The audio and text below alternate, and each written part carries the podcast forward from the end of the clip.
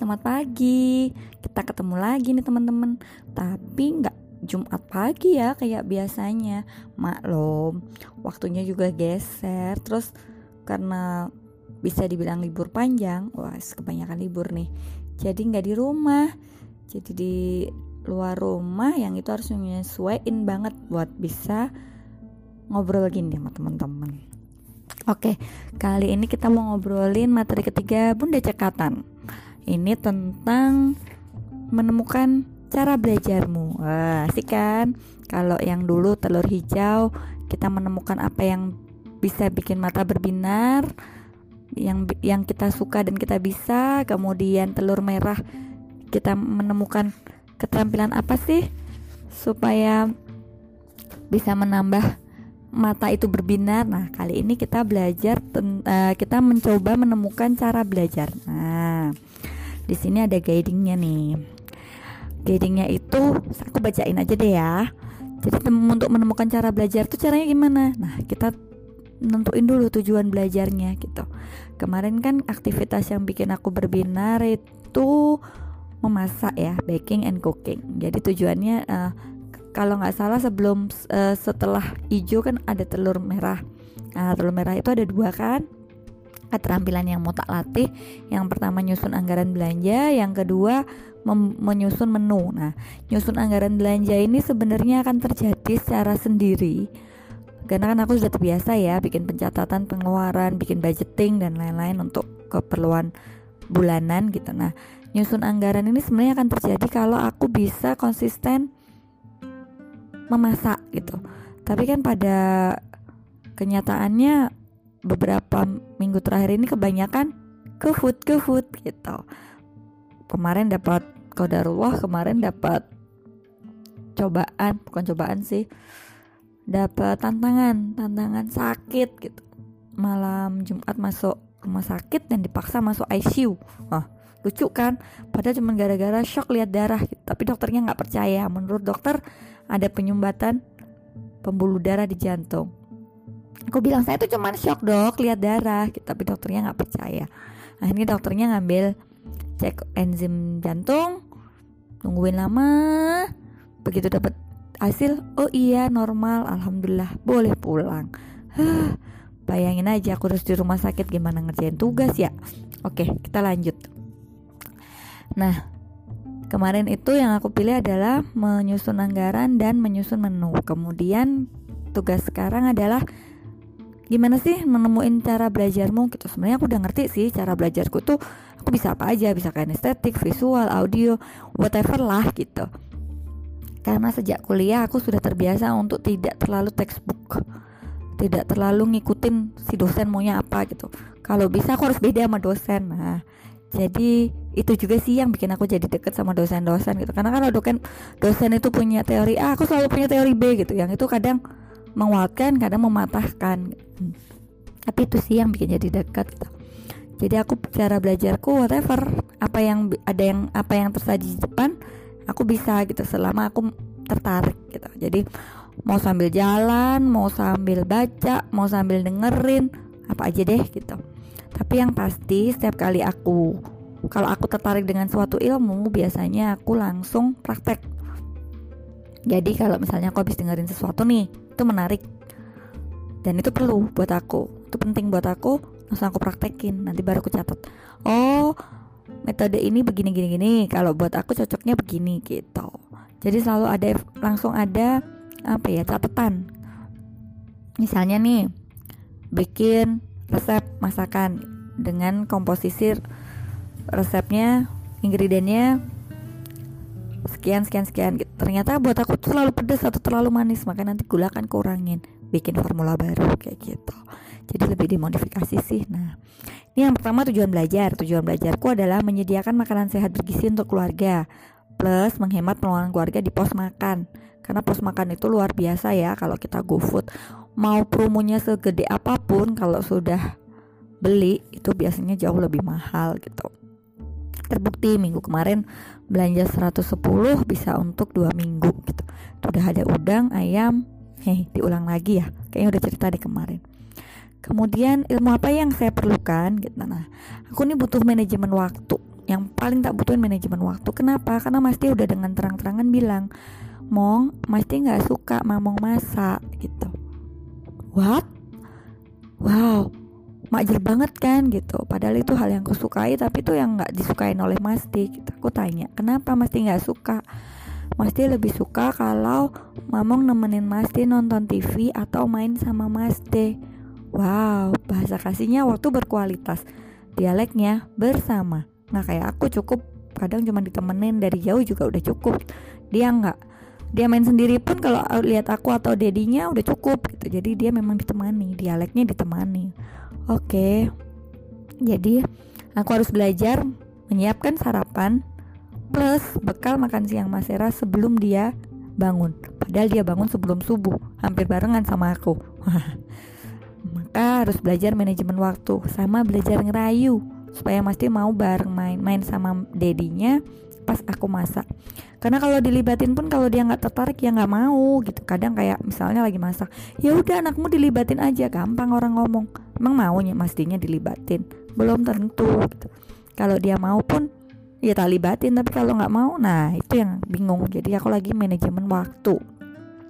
Bagaimana caranya domestik ini bisa sedikit mungkin bukan karena aku nggak suka bukan karena nggak bisa tapi supaya tangki kasihnya mesti penuh. Kalau tangki mesti tangki kasihnya mesti itu penuh wah hidupku indah. Duniaku terasa sangat indah. Jadi aku lebih berpindah lagi kali ya. Saya kalau dia nggak penuh aduh susah aku bisa stres aku ngadepin hari seharian itu. So aku pengen uh, ilmu yang aku butuhin tuh food preparation dan penyimpanan bahan pangan gitu. Karena didinya sering keluar kota, kami lebih banyak di rumahnya Eyang dan Kakung. Karena Masti tidak ingin sendirian, dia tidak suka sendirian, dia benci sendirian gitu. Sehingga makanan yang tadinya udah dibeli, kalau nyimpennya nggak bagus, pulang ke rumah, yang terjadi adalah busuk semua. Dan bukan pernah, tapi hampir setiap kali lebih dari empat hari di rumah Eyang, makanan akan terbuang dengan kondisi busuk sedih banget sebenarnya tapi gimana lagi? Gitu. Kadang kita udah niat pengen masak makan bareng gitu. ternyata dirinya harus keluar kota sekian hari. Dan pasti sudah pasti dipastikan tidak mau di rumah. Dengan segala macam alasan. Dengan segala macam bujuk rayu dia memilih di rumah kakung dan eyang. Oke? Jadi mulai sekarang kayaknya mulai berpikir bagaimana belanja yang efektif dan efisien. Tidak dalam waktu panjang tapi pendek-pendek. Membuat aku bahagia membuat Mas bahagia dan Dedi bahagia karena Dedi senang masakannya Mamu. Kemudian aku harus belajar kandungan gizi serta khasiat tiap bahan pangan gitu. Karena ternyata yang tadinya aku pikir protein belum tentu ternyata tidak ada kandungan protein ya gitu. Yang tadinya aku pikir itu sekedar uh, sayur ternyata hanya sekedar karbohidrat dan lain-lain tuh. Banyak banget tuh salah paham kayak gitu gitu kemudian aku harus belajar menyiapkan sarapan kurang dari 30 menit. Nah ini belajar dari Pinterest banyak banget nih. Nyiapin makan cuma 10 menit. Nyiapin sarapan sarapan ya khususnya sarapan cuman sekian menit. Dan bahkan dalam waktu 30 menit bisa dua atau tiga kali makan. Yang nanti dua macam itu bisa dibekukan. Mau makan tinggal di microwave. Nah itu aku suka banget gitu. Pasti juga suka tuh kalau kayak gitu. Jadi tinggal sebut makan ini. Tinggal microwave selesai. Tapi maka aku pengen makan ini mong. Aku harus potong-potong cuci-cuci. Ah dia nggak suka banget itu. Kemudian menyiapkan bakal makan siang kurang dari 30 menit. Nah ini yang masih jadi tantangan gitu karena makan siang itu kan tidak bisa sekedar seperti sarapan ya yang kadang sarapan tuh muffin sudah cukup potato mash sudah cukup. Nah makan siang ini makanan yang harus lebih lengkap dari makan pagi. Plus ada infus water plus ada buah potong. Pagi buah potong bisa lah diakalin dengan pisang satu gitu tapi kalau siang makan pisang lagi kok kayaknya kasihan ya mas Era udah kerjanya sampai larut malam makan siangnya seadanya tuh kayaknya nggak tega deh gitu Kemudian penataan dapur yang aman. Nah, ini penting banget buat aku. Kenapa? Karena kadang Masti main game, main HP itu di dapur hanya karena dia butuh dia tidak suka sendiri, dia benci sendirian gitu. Jadi dia butuh main HP di deketku. Nah, kalau dia lagi mau begitu, dapur harus aman gitu. Karena ketika dia main HP tiba-tiba tangan kanannya bisa deh ngerat geratil geratil tuh apa ya? Usil iseng. Megang barang serat yang ternyata itu pisau. Wah tidak aku akan teriak. Jadi aku harus nata dapur tuh yang seaman mungkin. Hal-hal yang berbahaya dijauhkan dari Masdi gitu. Jadi ada memang satu lokasi yang namanya dipan. Dipan itu aku tata barge barang tapi juga ada tempat yang kosong. Biasanya buat aku ngulek ngulek bumbu gitu. Nah di situ Masdi akan duduk tenang di situ ada makanan ada minuman yang dia bisa raih dengan cepat gitu. Jadi aku butuh penataan dapur yang aman juga yang cantik supaya tambah betah di dapur. Dan kalau aman mas di lama-lama di dapur juga aku nggak takut gitu. Pernah tuh dia pengen lihat aku masak nangkring di mm, kursi. Kursi yang letaknya sangat berdekatan dengan kompor. Sehingga ketika dia berdiri kalau dia kepleset dari kursi dia bisa nyemplung ke ke panci di atas kompor. Ih ngeri banget kan? Nah sumber ilmunya apa gitu ya? Seperti yang sudah sudah uh, sosial media ya gitu. Itu Pinterest sama YouTube sih lebih banyak gitu. Karena kan biasanya aku langsung nonton langsung praktek gitu ya buat bikin sebuah resep gitu Kulap dan Kulgram. Nah Kulgram ini aku ngikutin Kulgramnya rumah sakit UII gitu. Di situ lengkap banget Kulgramnya untuk menu sehat gitu. Terus kunjungan ke ahli gizi seperti yang udah pernah tak ceritain aku pernah ke ahli gizi yang ada di rumah sakit UII juga kemarin beberapa kali ke puskesmas gitu. Aku pengen belajar sih nyusun menu yang bener tuh gimana gitu. Tapi belum nemu yang klik gitu karena ahli gizi itu cuma cerita tentang gizinya cerita tentang kalorinya gitu. Tapi dia belum belum ngajarin bikin menu yang misalnya nih kangkung. Cah kangkung nanti sama ayam bakar nanti dia bisa bilang ini kalorinya sekian gitu. Tapi dia tidak bisa nyocokin saya aku pengen itu sayuran berwarna gitu. Jadi nggak semua hijau nggak semua putih tapi ada hijau putih merah. Ah punya cantik deh kayak pelangi. Kemudian belajar dari pengalaman orang lain gitu. Aku belajar dari Bu Surya. Beliau dulu pernah aktif di PBB nah beliau kalau nyiapin makan bahkan makan besar itu beliau nggak makan waktu yang banyak gitu. Jadi 10 menit 15 menit 20 menit dia bisa nyiapin sarapan gitu. Sehingga beliau tetap eksis di PBB bayangin ya PBB nih gitu. Dulu sih beliau di UGM gitu. Itu sebenarnya bosnya papaku pipiku sih gitu. Nah beliau aktif di PBB beliau nulis buku. Nah di buku tuh ada anjuran uh, guiding cara masak yang cepat gitu. Nah itu aku belajar dari beliau terus dengerin cerita beliau juga kadang telepon juga. Tante gimana ya? Apa kalau begini gitu. Sekarang udah nggak manggil tante lagi sekarang manggilnya Uti karena udah ada Masdi kayak gitu. Jadi tadi ilmunya yang paling penting adalah manajemen waktu.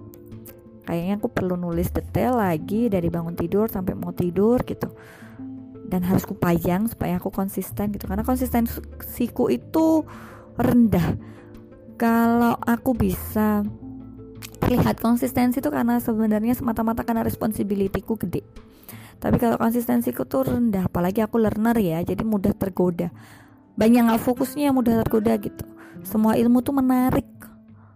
Untuk bilang menarik tapi nggak tertarik gitu. Nah itu tuh lagi belajar.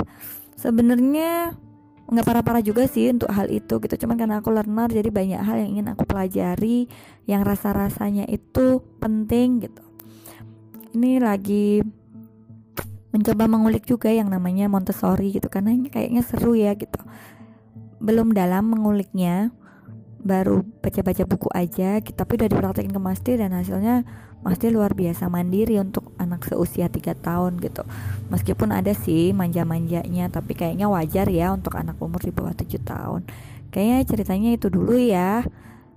Uh, jadi nanti kita coba kita lihat nanti ke minggu depan seperti apa gitu. Minggu depan sepertinya akan ke peta belajar gitu. Aku udah nemu sih pola belajar ritme belajar seperti apa dan aku adalah seorang pembelajar cepat makanya bisa nerima banyak ilmu dalam waktu sehari. Kalau itu menarik buat aku ya. Kalau nggak tertarik aku nggak bakal pelajarin. Kayak matematika sampai sekarang juga uh, tidak pernah menarik buatku. Aku nggak tahu ya kenapa. Terus bahasa Inggris juga masih menjadi mata kuliah yang tidak aku masih menjadi mata pelajaran yang tidak aku sukai. Entah kenapa juga tapi nggak menarik aja dua itu gitu. Ya untuk yang lain aku suka gitu. Oke okay, see you. Ketemu lagi minggu depan. Bye